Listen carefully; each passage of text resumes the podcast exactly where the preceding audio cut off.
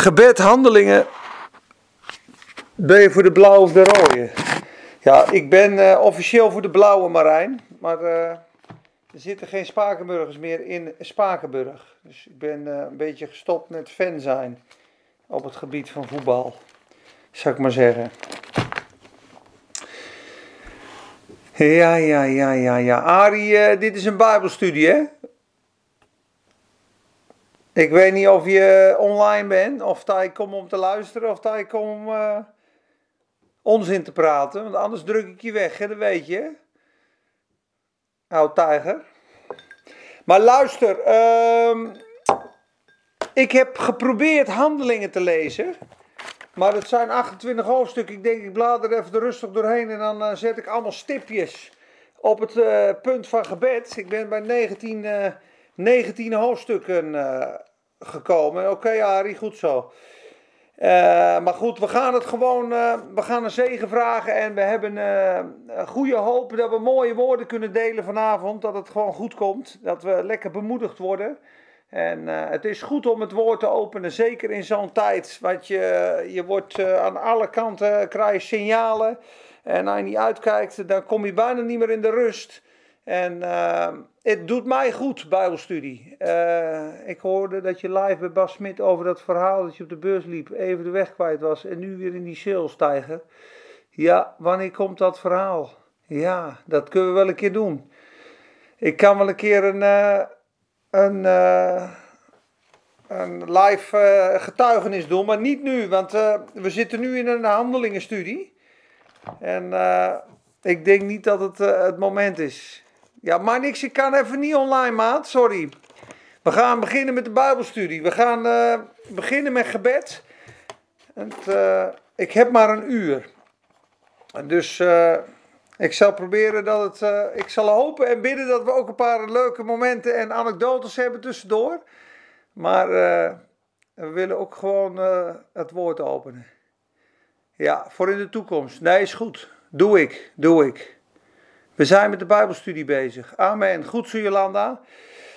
Vader, we danken u in de naam van Jezus. Heer, wij bidden een zegen over het woord. Wij verwachten het van u. Heer, u bent degene die ons voedsel geeft, die voor ons zorgt, die ons gemaakt heeft, die aan het begin en aan het einde staat. Heer, we zegenen iedereen die luistert op Facebook, Instagram of wie nog gaat luisteren via Soundcloud. We bidden, Heer, dat er een geest van genade en smeekbeden mag uitgestort worden. Heer, dat wij leren bidden, dat wij u mogen zien in de kracht van uw genade. Heer Jezus, we hebben u zo nodig. Wij zijn gemaakt om met u te wandelen. We zijn gemaakt om u uit te drukken. We zijn gemaakt om uw zegen door te geven aan anderen. We zijn gemaakt om vrucht te dragen. Heer, we zijn uw kinderen.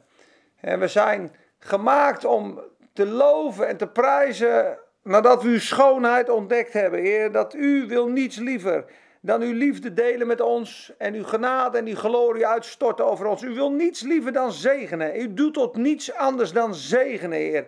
Het hele wezen van u is liefde en zegen en geven. Al zo lief had God de wereld dat hij zijn enige geboren zoon gegeven heeft. Opdat een ieder die in hem gelooft niet verloren gaat. Hij gaf zijn enige geboren zoon aan de aarde aan zijn vijanden om die vijand te verzoenen. En dan zegt Romeinen, indien God zijn eigen zoon niet gespaard heeft, hoe zal hij niet met hem alle dingen schenken? Alle dingen schenken. En hij heeft u gegeven de geest, opdat u zou weten de dingen die u van God geschonken zijn. Moesent, ik zegen jou. Iedereen die luistert, waar je ook vandaan komt, ik zegen je in de naam van Jezus. Ik bid dat God tot je hart gaat spreken. Ik bid dat de kracht van de Heilige Geest over je heen komt. Krokentuning, jouw zegen hem ook in Jezus' naam.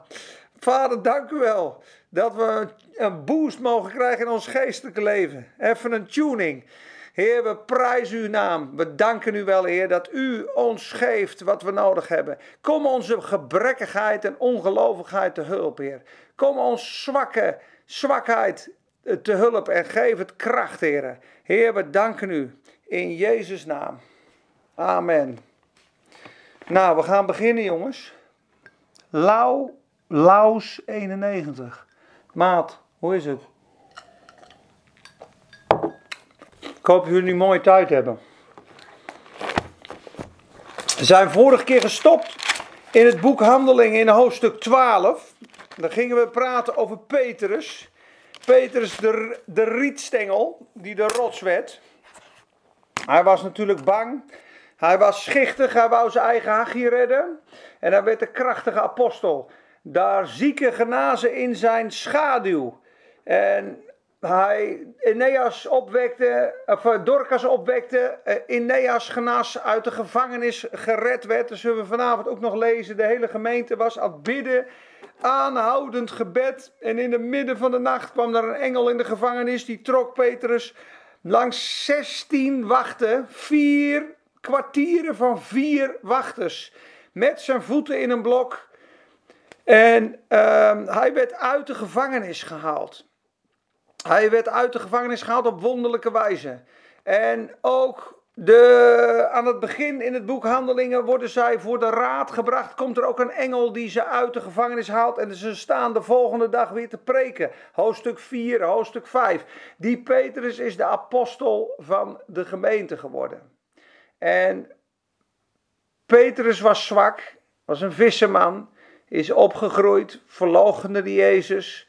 Is hersteld door Jezus werd krachtig door de Heilige Geest en schreef uiteindelijk 1 en 2 Petrus de brieven over lijden. Dat als je lijdt voor Christus, dat je de glorie en heerlijkheid beërft. Het is iets wat ons natuurlijk verstand eigenlijk niet begrijpt. Want lijden, hoe kan je dat nou mooi vinden? maar het boek Handelingen zegt, ik zal het even voorlezen. Het staat in Handelingen 5. Als je toch deze houding mag hebben, jongens, dan ben je toch wel echt rijk gezegend in openbaring. En uh, hier staat het. Op een gegeven moment moeten ze voor de raad komen. Ze worden ernstig bestraft om niet meer in de naam van Jezus te spreken. En ik hoop niet dat die tijd komt dat onze vrijheid zo beperkt wordt dat straks de naam van Jezus niet meer genoemd mag worden in scholen, in kerkgebouwen en dat we net als een communistisch land worden waar je opgesloten wordt als je over Jezus getuigt of misschien wel onthoofd wordt, dat ze de Bijbels gaan confisceren. Ik raad je aan zoveel mogelijk te lezen in het woord en om het in je hart te stoppen. Want dan kan niemand het vandaan halen. Maar ze moesten voor de raad komen voor Gamaliel, want ze hadden weer gesproken in de naam van Jezus. Ze, hadden, ze waren in de gevangenis geworpen. En de engel des Heren maakte de gevangenis open en zei: Ga en staat in de tempel en spreek tot het volk de woorden van dit leven. En op een gegeven moment doen ze de gevangenis open. De apostelen waren weg en ze zeiden: Wat is er aan de hand? Hebben wij u niet ten strengste bevolen dat u niet in deze naam zou onderwijzen? En de hoge priester en de bevelhebber, die hoorden, joh, ze zijn in de tempel, ze zijn aan het preken. Nou, ze worden in ieder geval weer vastgezet. En daarna staat er, en ze lieten zich door Gamaliel overtuigen. En toen zij de apostelen bij zich geroepen hadden, geeselden zij hem en geboden hun dat zij niet zouden spreken in de naam van Jezus. En ze lieten hen gaan. Moet kijken wat er staat. 5 vers 41. Handelingen 5 41. Zij dan gingen weg uit de tegenwoordigheid van de raad en waren verblijd dat zij waardig geacht waren omwille van de naam van Jezus smadelijk behandeld te worden. Zij gingen blij weg toen hun rug kapot geslagen was voor Jezus. Moet je zo over nadenken. Ik had ze een kopstoot gegeven. Waarschijnlijk had ik er geen eens ruimte voor gehad. Maar als je rug kapot geslagen is. En zie je bij Paulus en Silas ook. Gaan we straks lezen in hoofdstuk 16. Als je rug kapot geslagen is met een geesel. Ja, en het bloed loopt eruit. En je wonden zijn smerig en je hebt gigantisch veel pijn, dan is de mogelijkheid dat je gaat dreigen en vloeken en tieren, die is volgens mij aanwezig. En hun hebben de openbaring gehad dat zij waardig waren smaadheid te lijden voor Jezus. Dat ze wisten, joh, als we dit voor Jezus doen, dan zijn we zo ongelofelijke nachtmerrie voor de Satan. Die Satan die slaat onze rug kapot. Maar wij weten dat we het voor Jezus gedaan hebben. En daar verheugen we ons in. Wat een ongelooflijk geloof. En ik bid dat de Heilige Geest dat in jou en mij bewerkt. En uh, we willen het dus na Petrus in hoofdstuk 13 gaan hebben over gebed. En het trof mij voornamelijk in de voorbereiding en in het lezen van het boek Handelingen. En dat zou ik gewoon adviseren. Je hebt straks. Uh, je hebt tijd genoeg. We hebben allemaal tijd genoeg. We hebben tijd voor social media. Maar ik hoop dat je uh, leert te ontwikkelen om dagelijks te lezen. Dagelijks te lezen in de Bijbel. Waarom zeg ik dat? Omdat het woord van God je verandert en je wakker maakt. En je, het woord is een licht op je pad en een lamp voor je voet. Als jij de Bijbel links laat liggen, ga je steeds rationeler en natuurlijker denken. Maar de Bijbel is een boek geschreven door God, door de Heilige Geest, bovennatuurlijk, om te vertellen wat de waarheid is over Jezus, wat de waarheid is over het oordeel, over de wereld, over de schepping, over wie God is. En het laat jou zien dat al die mensen, die 40 mensen die die Bijbel schreven in 1600 jaar, corresponderend met elkaar de wonderen, de goedheid, de kracht en de bovennatuurlijke geschiedenisverhalen van Jezus en van God opgeschreven hebben. Opdat wij hoop en vertroosting zouden hebben door de schriften. Romeinen 15:4. Het woord brengt leven. Het woord brengt kracht. Zoals je brood eet, zo moet je die Bijbel eten. Elke dag eten wij drie maal. Er is een boek van Dirk Prins, drie maal daags. Toen lag hij in het ziekenhuis. Toen dacht hij, joh, misschien is dat een goed medicijn. Hij las het in spreuken. Drie maal daags. God's Medicine Bottle noemde hij dat boek. En hij begon te lezen en hij kreeg geloof. En elke genezingstekst begon hij te onderstrepen. En hij werd van een ernstige ziekte binnen een jaar stap voor stap gezonder en gezonder en gezonder. Doordat hij het woord las. Als jij de Bijbel links laat liggen, is het nieuws jouw Bijbel is de opinie van mensen, wordt jouw Bijbel, wordt jouw levenswerk. Maar je moet God tot je laten spreken. Het is enorm belangrijk, anders dwaal je af. Houd vast aan de beleidenis, houd vast aan de woorden van God. Ik ga je lezen Psalm 19, dat is een psalm die over het woord van God gaat. 119 gaat ook over het woord van God.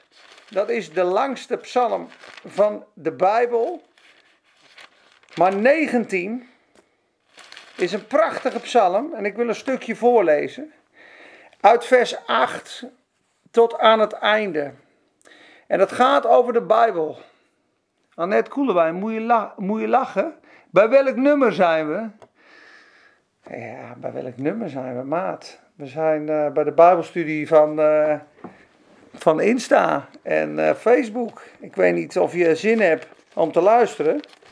Maar uh, dan moet je even je Bijbel erbij pakken. Dan ga je mooie dingen horen, kan ik je vertellen. Maar uh, het woord van de Heer is volmaakt. Psalm 19, vers 8.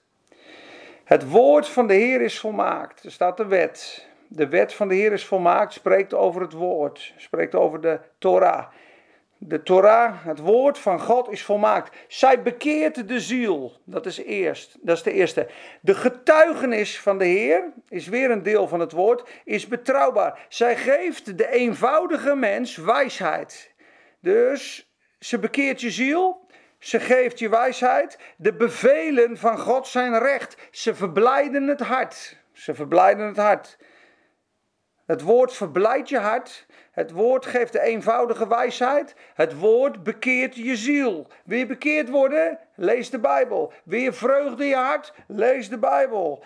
Het gebod van de Heer is zuiver. Het verlicht de ogen. Wil je zien, geestelijk inzicht krijgen? Lees het woord. Anders ben je een speelbal voor demonen. Geloof mij, als je niet weet wie je bent in Christus, als je niet het woord kent, het is de grondslag ook van het gebed, kan je niet krachtig bidden in lijn met het woord van God. Als je niet op grond van het woord bidt, zit er geen kracht aan.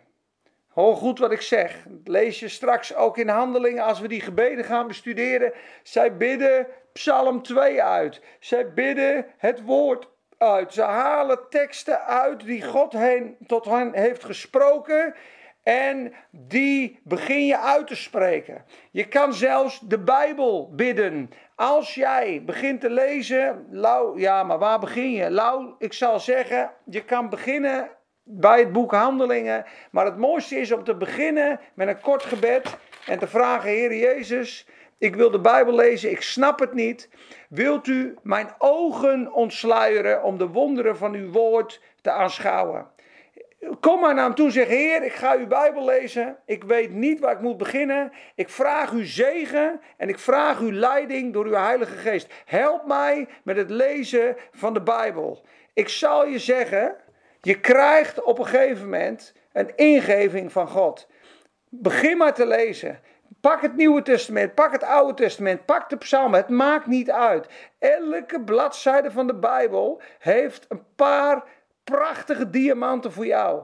Die spreekt tot jou. Op het moment dat God uit zijn woord tot jou gaat spreken, gaat het leven, gaat het zaad groeien, gaat Jezus in je groeien, gaat de kracht van de Heilige Geest in je stromen en ga je leven vinden. Ga je leven vinden in dat woord. Dus de Bijbel bekeert de ziel. 1. Ze geeft de eenvoudige wijsheid. Ze geeft je wijsheid. Ze geeft je inzicht. Ze verblijden je hart. Het ontzag voor God, de aanbidding voor God is rein. Ze houdt voor eeuwig stand. Ja, de bepalingen van God zijn waarachtig. Zijn recht, er zijn rechten en zijn oordelen zijn waarachtig. Ja. Ze zijn begerenswaardiger dan goud. Daar komt hij aan.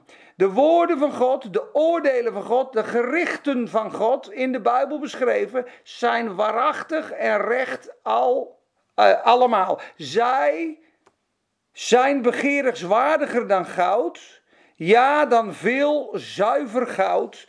Uw dienaar wordt hierdoor gewaarschuwd en in het houden daarvan is great reward, zegt de Engelse Bijbel. Hier staat groot loon.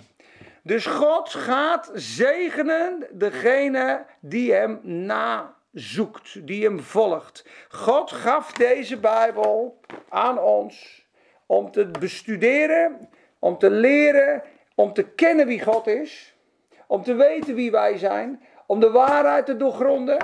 En het verandert je ziel, het geeft wijsheid, het geeft inzicht, het geeft kracht, het geeft vreugde in je hart. Het maakt je bekend wie God is. De val van Satan staat erin, de wonderen van God. En dat is begonnen met de schepping. En dat eindigt in openbaring. En dit woord is als brood voor een mens. Zoals je drie keer eet, is het woord een brood voor je geestelijk leven. Als jij je hele leven de Bijbel links laat liggen. En er komt verdrukking. En er komt moeite. Je weet niet waar je heen moet vluchten. Mensen, de Bijbel is een boek dat in sommige landen verboden is, waar je hoofd eraf gaat. In China zouden ze dit boek in de ondergrondse kerk, zouden ze in 66 stukken scheuren en zouden ze allemaal een boek lezen en ze zouden het verslinden. En ze zijn rijk in God. En het Westen is rijk in materiële zaken, maar ze is arm naar God toe. Wij moeten God van de hemel erkennen en liefhebben en eren, want dat is zijn plaats. Als jij op een modeshow komt van Miyuji Prada en je negeert degene die de modeshow bedacht heeft, is een grote belediging. Als je de eigenaar en de uitvinder van Porsche ontmoet bij zijn bedrijf en je negeert hem en je doet net of hij niet bestaat, dan kwets je hem. God heeft ons gemaakt. En God wil dat wij hem erkennen. En God houdt van ons. Hij is, hij is de Vader die ons zoekt. En hij heeft dat woord gegeven. Het is van essentieel belang dat die Bijbel prioriteit in je leven krijgt. Als dat niet zo is, wie gaat er dan tot je spreken? Waar is dan de waarheid op gebaseerd? Op je eigen perceptie op wat het journaal zegt, op wat Eva Jinek zegt, op wat de Telegraaf zegt, op wat Gandhi zegt, op wat Mohammed zegt. Wat is nou de waarheid? De Bijbel is het woord van God en daar begint het mee. Ik weet niet waarom we hierop gekomen zijn, maar wij hebben het woord van God als eerste opstap nodig voor gebed. Zonder dit woord is het afgelopen. Hier komt de kracht in het leven vandaan. En nadat Petrus in handelingen in hoofdstuk 12 gestopt is, beginnen de apostelen in hoofdstuk 13 te bidden. En daar gaan wij ook verder met het boek Handelingen. We gaan, het, we gaan inzoomen op handelingen. Heel, lees het boek Handelingen maar eens. God zou toch moeten snappen dat we in een moeilijke tijd leven. Ja, God zou ook uh, moeten snappen dat wij in een moeilijke tijd leven. Ja, dat snapt hij, maar hij geeft zoveel vrijheid en vreugde. Maar als jij het in de wereld zoekt, ja, daar heb je heel veel onrust en onheil en moeite. Maar op het moment dat jij je vrede en je rust in God gaat vinden en je gaat zien dat je boven alles uitgetild wordt en in Hem gepland bent en een geestelijk eeuwig leven hebt en een koninkrijk dat niet van deze wereld is, ja, dan zul je, ga er toch niet op in. Waarom niet, Jolanda? Is toch een hele normale vraag? Ik vind het wel een goede vraag. Ik vind het eigenlijk wel een hele goede vraag. Het is aan jou of je bij God gaat drinken uh, of, je, of je lost het zelf op. Uh, maar je moet het zo zien: de aarde ligt in het boze. Jezus zegt: In de wereld zul je verdrukking hebben, maar heb goede moed, ik heb de wereld overwonnen. Wij zijn als koningskinderen van God, zonen en dochters van God, gemaakt om gezag te hebben over situaties en over moeite. Uh, het wordt ons niet bespaard. Ja, uh, vele zijn de rampspoeden van de rechtvaardigen, zegt de Bijbel, maar uit die alle redt hem de Heer. Met andere woorden, many are the afflictions of the righteous, but the Lord delivered him out of them all. Dus mijn hoop is op God. Als ik het moeilijk heb, heb ik een schuilplaats. Als ik het niet meer weet, heb ik een baken. Ik weet dat God van mij houdt, dat hij zijn engelen gezonden heeft, dat hij bidt en pleit voor mij aan de rechterhand van de Vader. En dat als ik God niet had, zou ik bezwijken. Zou ik het moeilijk vinden. En dat is. Eh, kijk eens, kijk eens, kijk eens. Ik zou het moeilijk vinden als ik geen God had, want dan zou ik bezwijken. Ik zou Ehm, ik zou nou ik snap wel, weet je, je zou vluchten in familie, je zou vluchten in vrienden. En ehm, dat is goed, maar uiteindelijk zullen familie en vrienden je nooit kunnen brengen op die plek waar God je kan brengen. En dat is zo belangrijk als je het woord gaat lezen, dan ga je het plan van God ook ontdekken over je leven. Waarom schiep God de mens? En wat is het doel met die mens? Wat wil God? Wie zijn wij? Waarom leven wij? En wat heeft God allemaal klaar liggen? Hoeveel zegen is er? Wat wil God uiteindelijk? er is een vijand, dat is de Satan, die wil je afleiden, kleineren, bij God vandaan houden. En die wil het liefst dat je gewoon rationeel denkt, uh, het leven feest viert en God vergeet. Geen woord, geen kerk, geen godsdienst. En leef je leven, eh, maak lol.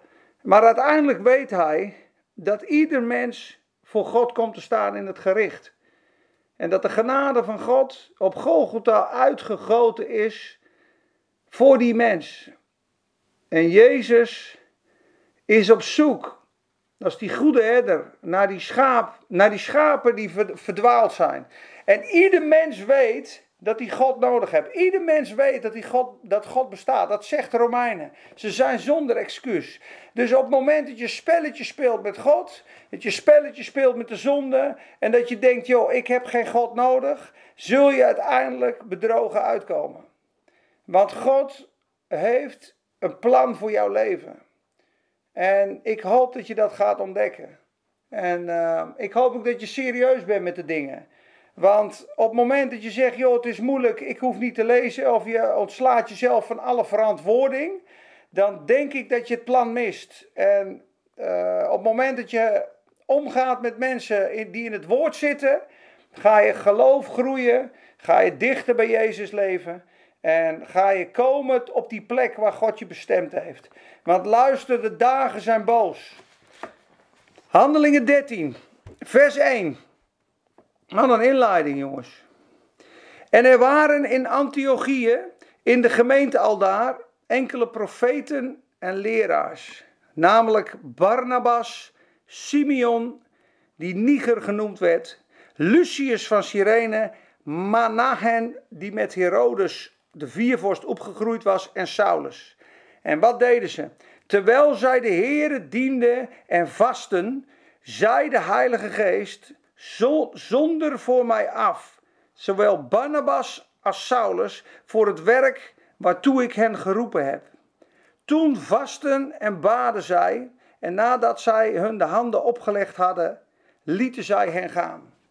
Dus hier zie je, uh, en dat moet je zelf maar gaan lezen, want ik weet niet tot wie ik spreek, of de mensen luisteren die vaak in hun Bijbel lezen, of dat er mensen zijn die nog nooit gelezen hebben. Maar ga maar eens in het boek Handelingen bestuderen hoe vaak God werkt op gebed.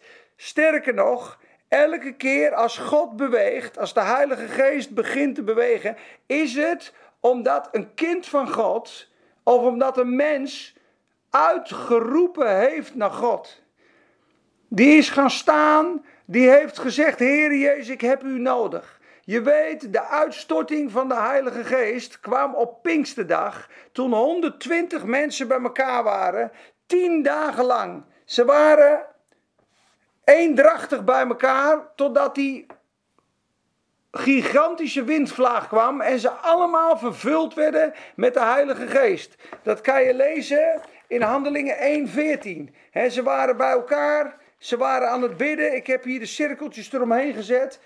En uh, deze alle volharden eendrachtig in het bidden en smeken met de vrouwen en Maria, de moeder uh, van Jezus. Nou, op een gegeven moment zie je dat Petrus, na de uitstorting van de Heilige Geest, waren ze bij elkaar, gingen ze naar het uur van gebed. Om drie uur s middags. De, het leven van de gemeente. En ze bleven volharden in het breken van brood, in de gebeden, in de, uh, in de gemeenschap en in de leer van de apostelen. Dus het, het gemeenteleven was een leven van samen eten, samen aan huis brood breken, het, uh, bijbelstudie, goede prediking. Ik hoop dat je er wat aan hebt. En gebeden. Uh, dat, dat was de krachtmotor van de gemeente. Dat zou de krachtmotor van iedere gelovige moeten zijn. De kracht van het gebed. De kracht van het gebed brengt de zegen van God, brengt de tegenwoordigheid van God, breekt de kettingen van je leven af. Laat de Satan op de vlucht slaan, want we hebben te dealen met een vijand. Dat weten we vanuit Efeze 6, vers 12. We hebben niet te strijden tegen vlees en bloed, maar tegen de machten, de overhebbers, de krachten van de boze machten in de hemelse gewesten. De Satan en zijn demonen zijn erop uit om de mensheid te vernietigen. Zie vandaag de dag gebeuren. Door mensen heen, door regeringen heen, door leugens heen. er zijn concentratiekampen geweest in de Tweede Wereldoorlog met Hitler. Ik denk, ik zal één ding vertellen. Ze werden aangedreven door het kwaad, door de Satan. De kindermoord in Egypte is aangedreven door de Satan. Elk bloed wat vergoten is op aarde is aangedreven door de Satan. De mensenmoordenaar en de leugenaar van de beginnen.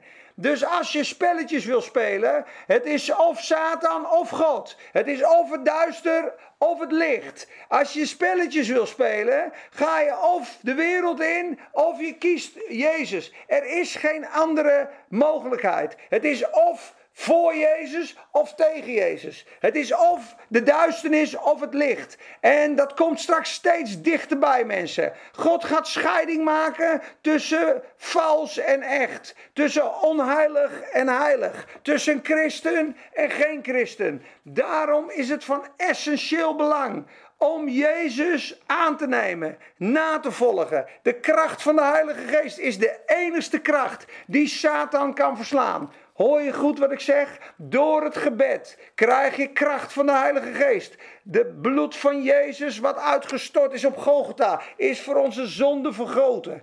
Daarna zijn geest uitgestort op handelingen, op Pinksterdag, in het boek Handelingen. Dit, sterker nog, het hele boek Handelingen is gebaseerd op mensen die vervuld zijn van de Heilige Geest. Ze worden gedoopt met vuur in de Heilige Geest. Ze kregen een vlam in hun hart van passie en liefde om die verdorven wereld, die straks geoordeeld wordt, dit verkeerde geslacht, waar iedereen uit behouden moet worden, ja, dit zinkende schip, hebben we wel eens besproken, waar iedereen van af moet en naar de ark van Jezus moet, dat gaat zinken. En ze kregen de vlam van de Heilige Geest, het vuur van de Heilige Geest, om die hele wereld die aan het sterven is, bekend te maken. Er is uitweg en redding door Jezus. Als je niets doet, drijf je mee, drijf je met de stroom mee, ga je met de menigte mee. Weet je waar die, uh, waar die waterval eindigt? In het verderf. Je moet nagaan, de wereld zit in een rivier die hard stroomt, waar veel afleiding is, maar er is straks een einde van de waterval. En als je niets doet en in dat bootje blijft zitten en de, de, de toegeworpen touwen van de mensen die Jezus verkondigen negeert, dan ga je op een gegeven moment het oordeel ontmoeten. En dat wisten de apostelen en de mensen in handelingen als geen ander. Ze deden niet anders. Zij hielden niet op, staat er. Dag aan dag bij de huizen te leren dat Jezus was de Christus. Ze werden in de gevangenis gegooid, gefolterd en gegezeld. Ze gingen door. Ze hadden een passie. De hele wereld moet weten wie Jezus is. De hele wereld moet weten dat God gestorven is voor de zonde en dat zijn koning koninkrijk het enige koninkrijk is wat waarachtig is. En dat zijn naam en zijn geest de enigste kracht op het hele heelal zijn die de Satan en zijn engelen kunnen vernietigen. Daar baden ze voor. Daar werden ze vervuld. En ze waren dagelijks, moest kijken wat een leven die gelovigen hadden. Ze waren dagelijks eendrachtig in de tempel met volharding, braken brood van huis tot huis, aten met vreugde en eenvoud van hart. En de Heere voegde dagelijks toe aan de gemeente van mensen die gered werden. Als je een normaal christelijk leven zou leiden met z'n allen, zouden, ze, zouden we dagelijks samenkomen, zouden we volharden in het woord, zouden we bed, gebedssamenkomsten hebben en een uur van gebed. En ik heb van de week nog gebeden of het terug mag komen in Nederland en in de gemeente. Het uur van gebed was van drie uur smiddags tot vier uur smiddags. Handelingen 3. Ze waren op weg naar het uur van gebed. En er zat een man aan de poort die vroeg om een aalmoes. Petrus hield zijn ogen sterk op hem en zei: Zilver en goud heb ik niet, maar dat wat ik heb, dat geef ik u. In de naam van de Heer Jezus Christus, sta op. En het wonder gebeurde. Daarna komt die vervolging. En dan zie je in hoofdstuk 4. Toen zij dit hoorden, dat zij bedreigd waren, dat ze gezegd hadden: joh, stop om te spreken in de naam van Jezus. Want Satan zag zijn hele koninkrijk gebroken worden. 3000 zielen kwamen tot bekering op, op de dag van Pinksteren. 5000 zielen in het volgende hoofdstuk. Daarna het getal van de discipelen vermenigvuldigde zeer. Dus er was een grote oogst in Jeruzalem. Satan beefde. En als een brute wilde leeuw wilde hij niets anders doen dan de apostelen het zwijgen opleggen. Daarom geestelde hij ze, gooide hij ze in de gevangenis en liet hij hen ernstig dreigen dat ze niet meer spraken in die naam. Zij kwamen toen bij de zijnen. En hieven eendrachtig hun stem op tot God. En ze zeiden dit. Ze, ze baden het woord. We hebben het net gelezen. Hè? Here, gij zijt de God die gemaakt hebt de hemel en de aarde en de zee en alle dingen die daarin zijn. Die door de mond van David uw knecht gezegd hebt. Waarom woeden de heidenen en hebben de volken ijdele dingen bedacht? Psalm 2. De koningen van de aarde zijn tezamen opgestaan en de, over de, over, en de oversten zijn bijeen vergaderd tegen de Heer en tegen zijn gezalfde. Want in waarheid zijn zij vergaderd tegen uw heilig kind Jezus, die gij gezalfd hebt. Bij de Herodes en Pontius Pilatus, degene die hem liet kruisigen, die Romein, met de heidenen en de volken van Israël om te doen al wat uw hand en uw raad tevoren bepaald had dat geschieden zou. En wat bidden ze? En nu dan, heren, zie op hun dreigingen en geef uw dienstknechten met alle vrijmoedigheid uw woord te spreken, doordat gij uw hand uitstrekt tot genezing en dat tekenen en wonderen geschieden door de naam van uw heilig kind Jezus. En toen zij gebeden hadden, werd de, werd de plaats waarin zij vergaderd werden bewogen, het gebouw begon te schudden. Lees maar eens in handelingen, jongens. De wonderen, de tekenen. Elk hoofdstuk staat bol van bovennatuurlijke krachten en wonderen. Elk hoofdstuk. En een visioen. En een engel. En een bevrijding uit de gevangenis. En de hele stad tot geloof. En Filippus in Samaria. En iemand die door de lucht 90 kilometer reist. En de vermenigvuldiging. En een uitdrijving van demonen. En Eneas. En de kerken die schudden. Het is wonder op wonder op teken op kracht van de Heilige Geest. En lees maar goed. Het wordt gevoed door het gebed. Zonder dat gebed hadden de kracht, had de kerk geen kracht. De krachtmotor van de gemeente, van jouw leven, is gebed. En ze hadden een gebed eenparig als gemeente. Ze hadden een gebedsuur om drie uur. Ze hadden gebedsgroepen met vrienden van huis tot huis met breken van brood. En ze hadden een persoonlijk gebed. Wat een leven constant in verbinding met God. Constant in de tegenwoordigheid van God. Daar waar wij voor geschapen zijn. Het leven met Jezus, wandelen met Hem, wordt onderhouden door gebed. Door te praten met God, door te luisteren naar God, door te lezen in Zijn woord. Heel veel mensen zeggen: Heer, spreek tot mij. Spreek tot mij, ik hoor zijn stem niet. Lees zijn woord.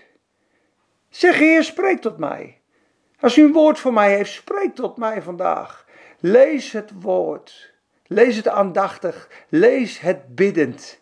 We hebben gelezen vorige keer dat die profeet Ananias de stem van de Heer hoorde. Hoe kan je de stem van de Heer horen als je niet online bent? Zat van de week nog te denken, ze waren online. Wat doet Petrus in hoofdstuk 10? Hij bidt op het dak. En ze zijn aan het bereiden. En een zinnen werden opgetrokken, dat laken met al die dieren. Wat zei de geest? Drie mannen zoeken u. Hoe had God het kunnen zeggen? Als hij niet bezig was met het gebed. Hij stemde af en hield van God. Hé, hey, Wout van den Berg. Hij stemde af, hield van God, ontving van God. En zo uh, is alles in handelingen is bepaald door het gebed. Petrus wekt Dorcas op. Wat staat er in hoofdstuk 9? Hij knielde en bad. En toen keerde hij zich tot het lichaam. Wat trok de aandacht van God? Paulus, want zie, hij bidt. We hebben het vorige week of twee weken geleden gezegd. Dus de uitstorting van de Heilige Geest is door gebed. Het schuddende gebouw in hoofdstuk 4 is doorgebed, waardoor ze met wonderen en tekenen begonnen te spreken. Daardoor was de schaduw van Petrus in hoofdstuk 5, de kracht van de Heilige Geest was zo sterk aanwezig, dat zelfs Ananias en Sapphira dood neervielen. Daarna was Stefanus een man vol van de Heilige Geest en wijsheid. Geloof mij maar dat het een man van gebed was, die dagelijks zocht God we hebben het gelezen over Anna de profetes, die niet uit de tempel week en God diende met vasten en bidden onophoudelijk, dag en nacht.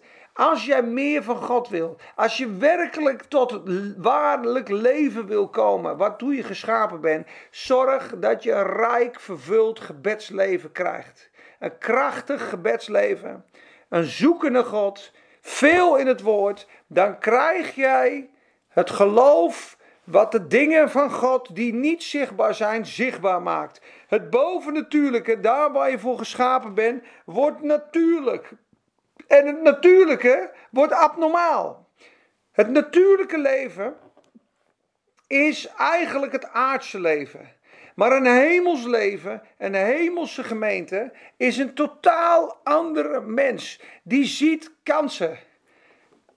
Waarom denk je dat Petrus Dorcas opwekt? Wat een gigantisch wonder. Wij hadden allemaal vandaag de dag met ons natuurlijk denken gezegd: het is een discipelin. Ze had veel aalmoezen. Bel de begrafenisondernemer. Ze is bij de Heer Jezus. Hebben we allemaal gedacht. En dat had goed geweest. Maar het boek Handelingen is niet zo. Petrus wekt haar op uit de doden. En het hele dorp kwam tot geloof. En Eneas was zichtbaar. En die hele streek kwam tot geloof. Hun waren in de kracht van de Heilige Geest gevoed door gebed en het woord. Wat staat in Handelingen 6, vers 4? De apostelen zeiden: Wij stoppen met het dienen van tafelen. Dat is niet goed. Wij geven ons aan de bediening van het woord en aan het gebed. Dat is wat ze deden. Dat is wat ze deden. En je denkt, joh, gebed is saai. Nee, gebed bouwt je op. Gebed doet je ogen openen voor de werkelijkheid van de geestelijke wereld. Kijk maar eens in Jeremia 33, vers 3. Moet je kijken wat daar staat. Jeremia 33, vers 3.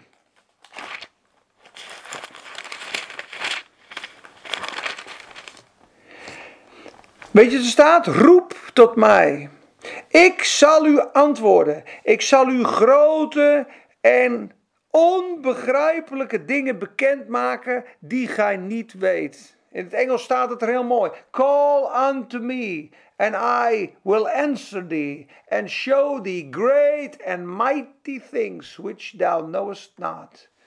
Staat er heel mooi. Als jij God gaat zoeken, gaat hij de geheimen bekendmaken van zijn glorie en heerlijkheid. Ga je de krachten van het koninkrijk zien. Ga je de listen van de Satan doorzien. Ga je wandelen als een koningskind en een prins van God en een dochter van God. Regeer je over situaties zonde, onheil, ziekte en ongerechtigheid. Ben je een ambassadeur van Christus in deze maatschappij. En ben je ver boven alle macht en kracht gesteld. En elke naam die genoemd wordt. En heb je het gezag van de naam van Jezus en heb je een eervolle taak hier op aarde, is om het koninkrijk te vestigen en om ongerechtigheid en duisternis te verdrijven, om liefde en licht en heil en zegen te brengen op elke plek waar je gaat. Dan zult gij zijn als een gewaterde hof, staat er in Jezaja 58. Dan zult gij zeggen, Heere, hier ben ik. En dan zal de Heer antwoorden, hier ben ik. En hij zal u spijzigen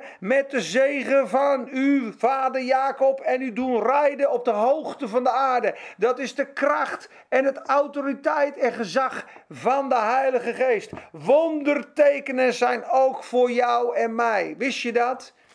Stefanus, Filippus, Barnabas was ook één.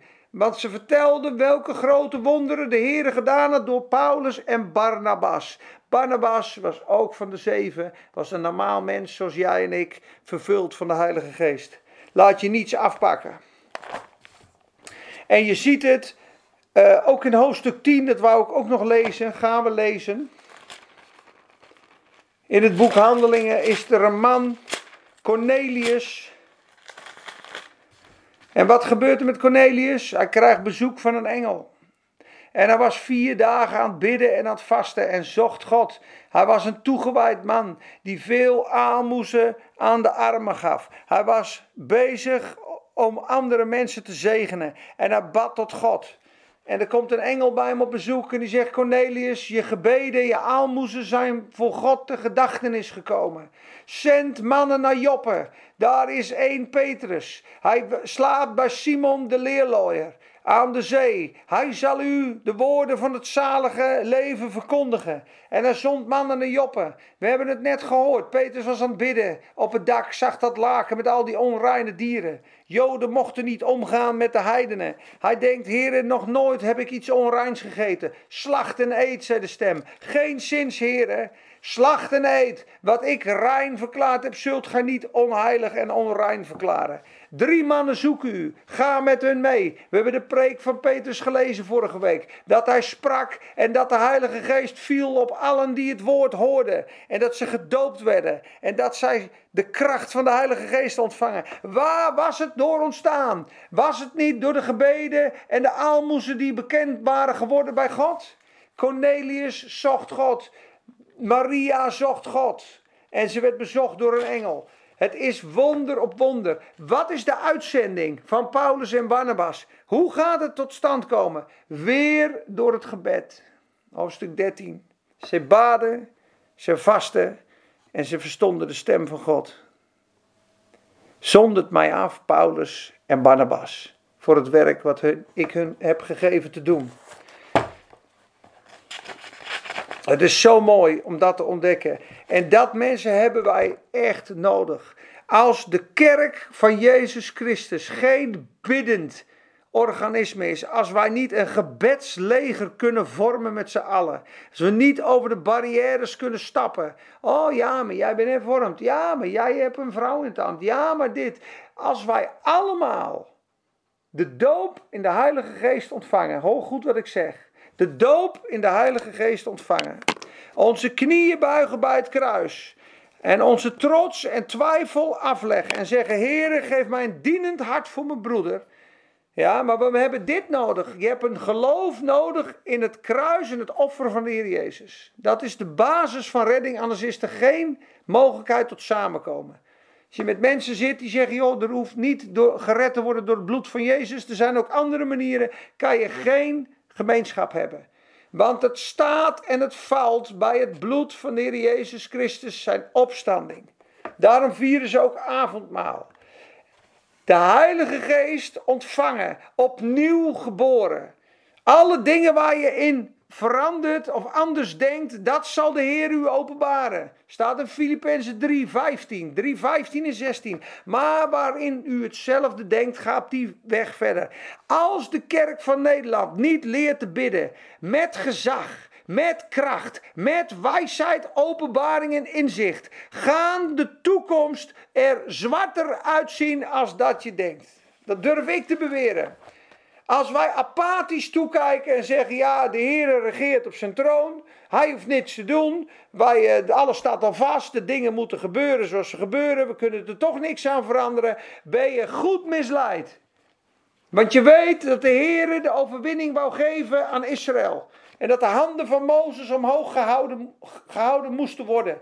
En dat Jozua en hun die armen omhoog moesten houden. En dat Israël won als de armen omhoog waren van Mozes. Dat Israël verloor als de armen naar beneden waren. Laat je niet misleiden. Wij worstelen niet tegen vlees en bloed, maar tegen de overheden en machthebbers van de hemelse gewesten. De duistere machten.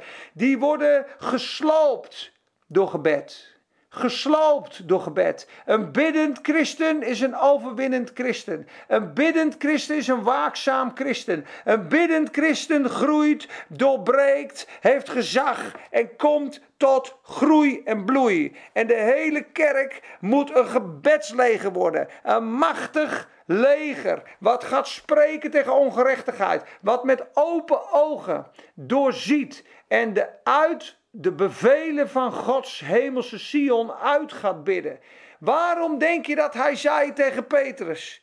Ik geef u de sleutels van het koninkrijk, Petrus. Ik geef jou de sleutel. Ik geef jou de sleutel. Wat gij ook binden zal in mijn naam, zal gebonden zijn in de hemel. En wat gij onbinden zult, zal ontbonden zijn. Want waar twee of drie vergaderd zijn in mijn naam, daar ben ik in het midden. En zij waren volhardende in het gebed. Ik had nog een paar teksten opgeschreven. Dat hebben we samen door de Bijbel gedeeld. Ik zou je een voorbeeld geven van iemand die een schouderklopje van Paulus kreeg.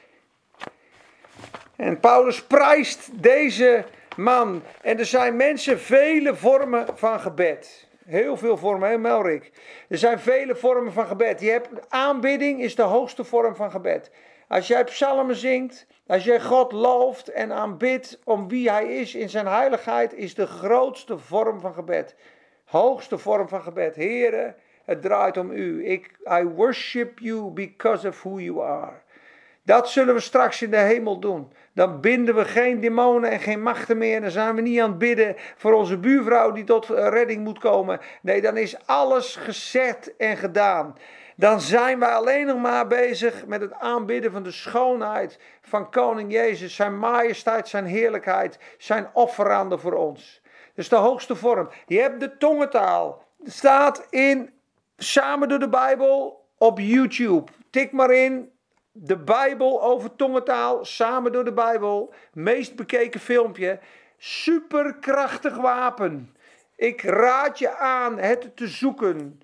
Vul mij met uw Heilige Geest. Doop mij met uw Heilige Geest. Ik wil je niet voor het blok zetten, maar de keren dat de Heilige Geest uitgestort wordt in het boek Handelingen is vier tot vijf keer. En er staat bijna elke keer en de geest kwam over hen en zij hoorden hen profeteren en spreken in vreemde talen. Als de geest machtig over je heen komt, krijg je die stamelende lip en die belachelijke tong.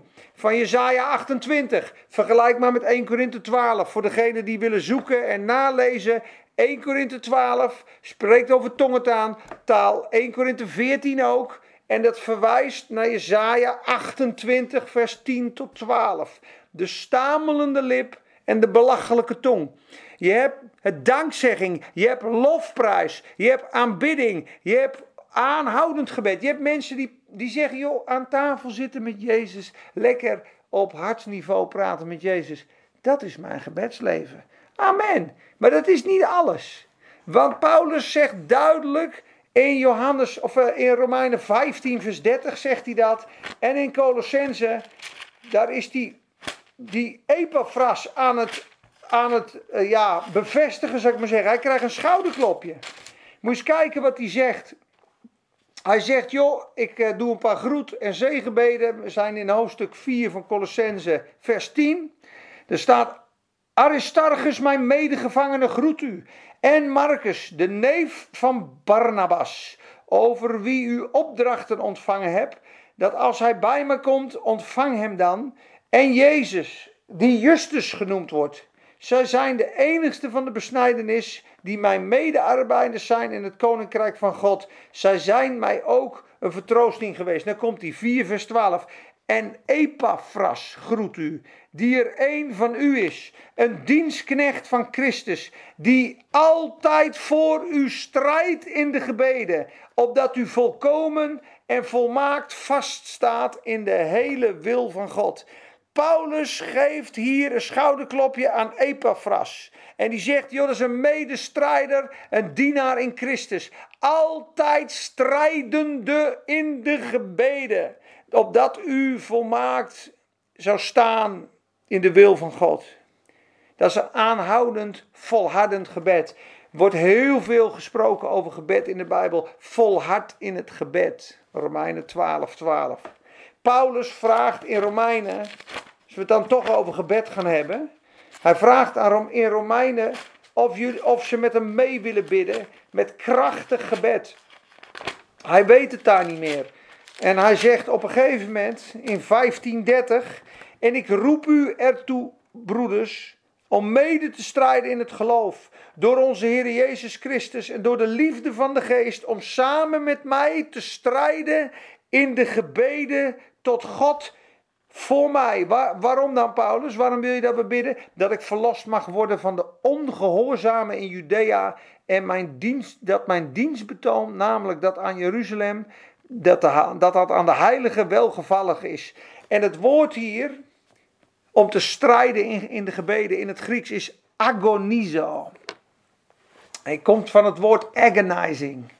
Het is, zijn, het is het gebed wat Jezus moest voeren in de tuin van Gethsemane. Dat hij onder grote druk ja, aan het bidden was, dat zijn zweet bloed werd. Ik zal niet zeggen dat wij tot bloedens toe uh, moeten bidden. Maar ik zou je zeggen dat als we strijden in de gebeden, dat je kan stuiten op weerstand van de, van, van de Satan. En dat je daar krachtig doorheen mag breken in de Heilige Geest. Dat jij als het ware de grond omploegt voor het woord van God en voor de Heilige Geest. En als dat gebed ontstaat in jou en het wordt afgewisseld met aanbidding, hè, want je hebt dus gebed. Dat heb ik geleerd van Willem Vieger, dat vond ik altijd mooi. Ik zei, ja, ik bid wel eens, ik bid wel eens, ik bid wel eens, ik strijd wel eens, Willem. Maar op een gegeven moment, op een gegeven moment ben ik ook wel moe hoor. Dan, dan is het wel een keer klaar. Is het dan alleen maar strijden, strijden, strijden? Hij zei, nee, nee, nee, nee. Hij zei, er staat harp en bals. Die schalen spreken van de gebeden. En die harpen spreken van aanbidding. Hij zei, als je gestreden hebt, dan moet je lekker gaan zingen weer. En dan ga je ontvangen van God. Het is niet alleen maar uitdelen en strijden. Je gaat lekker bij God komen op schoot. En je zegt, Heer, ik ben moe. Ik kom hier om gevuld te worden. Ik moet getroost worden. Heer, ik wil u danken. Ik wil u zegenen. Help mij. En dan komt er weer nieuwe kracht. Dan stijg je op als een arend. Zij die op de Heer wachten, zullen oprijzen als arenden. Ze zullen niet mat worden. Ze zullen niet moe worden. Dus dat mocht ik toen leren, want anders brand je inderdaad op. Als je niet rust bij God, niet drinkt bij God, niet lekker speelt met je kinderen af en toe en het woord heerlijk tot je neemt, kan je niet constant gaan strijden. En een soldaat kan ook niet constant gaan strijden. Hij moet ook lekker in de barak zijn, hij moet ook lekker eten, hij moet ook op, opladen. Maar ik wil maar zeggen, mensen, dat als je een geestvervuld, krachtig leven wil, zal je een geestvervuld, krachtig gebedsleven moeten gaan ontwikkelen. En dat is zoeken met alles wat in je zit. Ga in je binnenkamer, zoek God. Ik zal jullie nu zeggen dat ik me erop toe ga spitsen om veel meer nog in gebed te gaan. Want dat geeft me rust en kracht, maar het maakt me ook sterk en waakzaam. En dan denk ik, jongen, dat is te veel afleiding. Als je je gebedsleven verzaakt, zie je je geestelijke leven van zijn kracht beroofd worden. Ga je geestelijk denken, gaat veranderen in natuurlijk denken. En dan zie je ineens bergen. En door het geloof krijg je andere ogen, zie je bergen als kansen. En heb je je geloof en je vertrouwen op God. Het is van essentieel belang om te leren om constant online te zijn met God. Als je dat ontwikkelt, kan Hij elk moment van de dag tot je spreken. Want je luisterend oor is altijd afgestemd op de Heer. Zeg het maar. Waarom kon hij dat horen? Ananias, ga naar de rechte weg.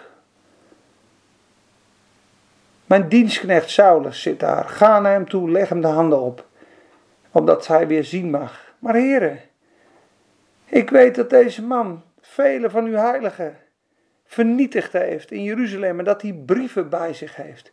Wat een mooie discussie met de Heer. En dat hij is gekomen om te binden. Hij is mij een uitverkoren vat. En ik zal hem tonen hoeveel hij moet lijden. Maar ga heen naar de rechte weg. Daar en daar zit hij.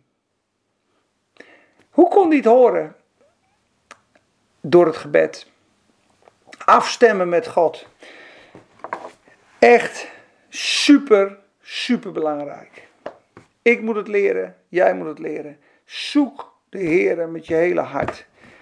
En God is een beloner van degenen die hem ernstig zoeken. Hebreeën 11, vers 6. Hij is een beloner van degenen die hem ernstig zoeken. Roep mij aan, ik toon u grote dingen die gij niet weet. Strijd met mij in de gebeden. Epaphras, altijd strijden in de gebeden. Petrus in het boek Handelingen, hoofdstuk 10. Cornelius zet het in werking, het evangelie gaat naar de heidenen. Paulus bidt en vast en het wordt afgezonden door de Heilige Geest. Het is wonder op wonder, teken op teken. Lees het boek Handelingen voor jezelf. Onderstreep maar eens elke keer als er over gebed gesproken wordt. Nou, je bent aardig wat aan strepen, kan ik je vertellen. Vier dagen geleden was ik biddende. Petrus klom op het dak om te bidden. Uw gebeden en uw aalmoezen zijn voor God in gedachte, gedachtenis gekomen. Dus continu. Ze waren samen vergaderd en ze waren in gebed. En zo ontzettend belangrijk. Terwijl ze de Heer dienden en vasten en bidden, legden zij hun de handen op en lieten ze gaan. Dus dat is hoofdstuk 13. Dus vandaag misschien een beetje een uh, moeizaam begin.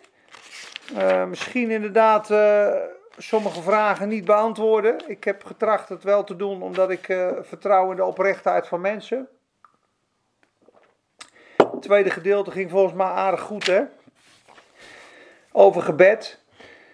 Leer mij bidden, dat baden de discipelen. Heren, leer ons bidden. En dat bid ik ook uit over iedereen. Heren, leer ons bidden. Doe ons als gemeente bidden. Doe ons als vrienden bidden. Geef ons een uur van gebed. En geef ons een persoonlijk gebedleven in al zijn volheid en rijkheid met al zijn facetten. Krachtig gebed, dankend gebed, prijzend gebed, lovend gebed, strijdend gebed, luisterend gebed, genietend gebed, lezend gebed. Heren, laat er een connectie met u mogen ontstaan, die de gelovige optilt boven het natuurlijke denken in het bovennatuurlijke denken. Boven de natuurlijke kracht in de bovennatuurlijke kracht. Heer, we bidden het zo, dat gezag en wonderen en tekenen door onze handen zullen geschieden. Geef, Heer, dat iedereen die het woord leest en die dit hoort, op mag reizen en bemoedigd mag worden en gaat zien, heren, dat het voor hen klaar ligt, dat het voor mij klaar ligt. De kracht van de Heilige Geest, de wonderen en de tekenen, om mensen te laten zien dat Jezus de enigste weg en de waarheid in het leven is. Dat Hij de weg is tot de Vader. Dat Hij de enigste is die waardig is om te ontvangen eer en leven. Dat Hij de bedenker is van de hele mensheid. Dat geen ding geworden is dan door Hem. Dat Hij het begin en het is van de schepping. We lazen het in openbaring. De facetten van Jezus van elke kant. Hij is licht, hij is liefde, hij is het woord, hij is de deur. Hij is de getrouwe getuige. Hij is de waarachtige. Hij is het die alles bedacht heeft. Die ons geschapen heeft naar de glorie en heerlijkheid. Die alles voor ons afgelegd heeft in de dood. Er is maar één echte vriend. Er is maar één echt betrouwbaar iemand. Dat is Jezus de Christus. En wij moeten Hem vinden. Zoek en gij zult vinden. En we zoeken Hem met gevouwen handen. Nou, beter nog, dat doet mijn zoontje tegenwoordig ook. Papa, handen omhoog. Met opgeheven handen. Hef dan heilige handen op. En ik wil dat mannen en vrouwen bidden in alle plaatsen. Opheffende van heilige handen. Lees de Paulusbrieven met vreugde het gebed doende.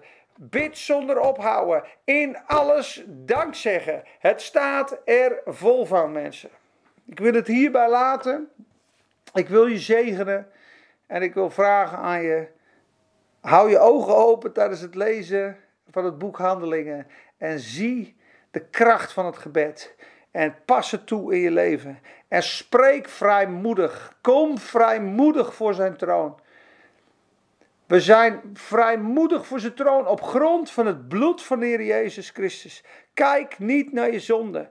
Kijk niet naar je zwakheden. Kijk niet naar je twijfels. Kijk omhoog en kom in die genade, in de kracht van het bloed van Jezus. En zeg, Heere, ik ben niet waardig, maar door u ben ik waardig gemaakt. Ik ben zwak, maar door u ben ik sterk. U bent de voleinder van mijn geloof. Heer, ik ben hier om u te zoeken, te loven en te prijzen.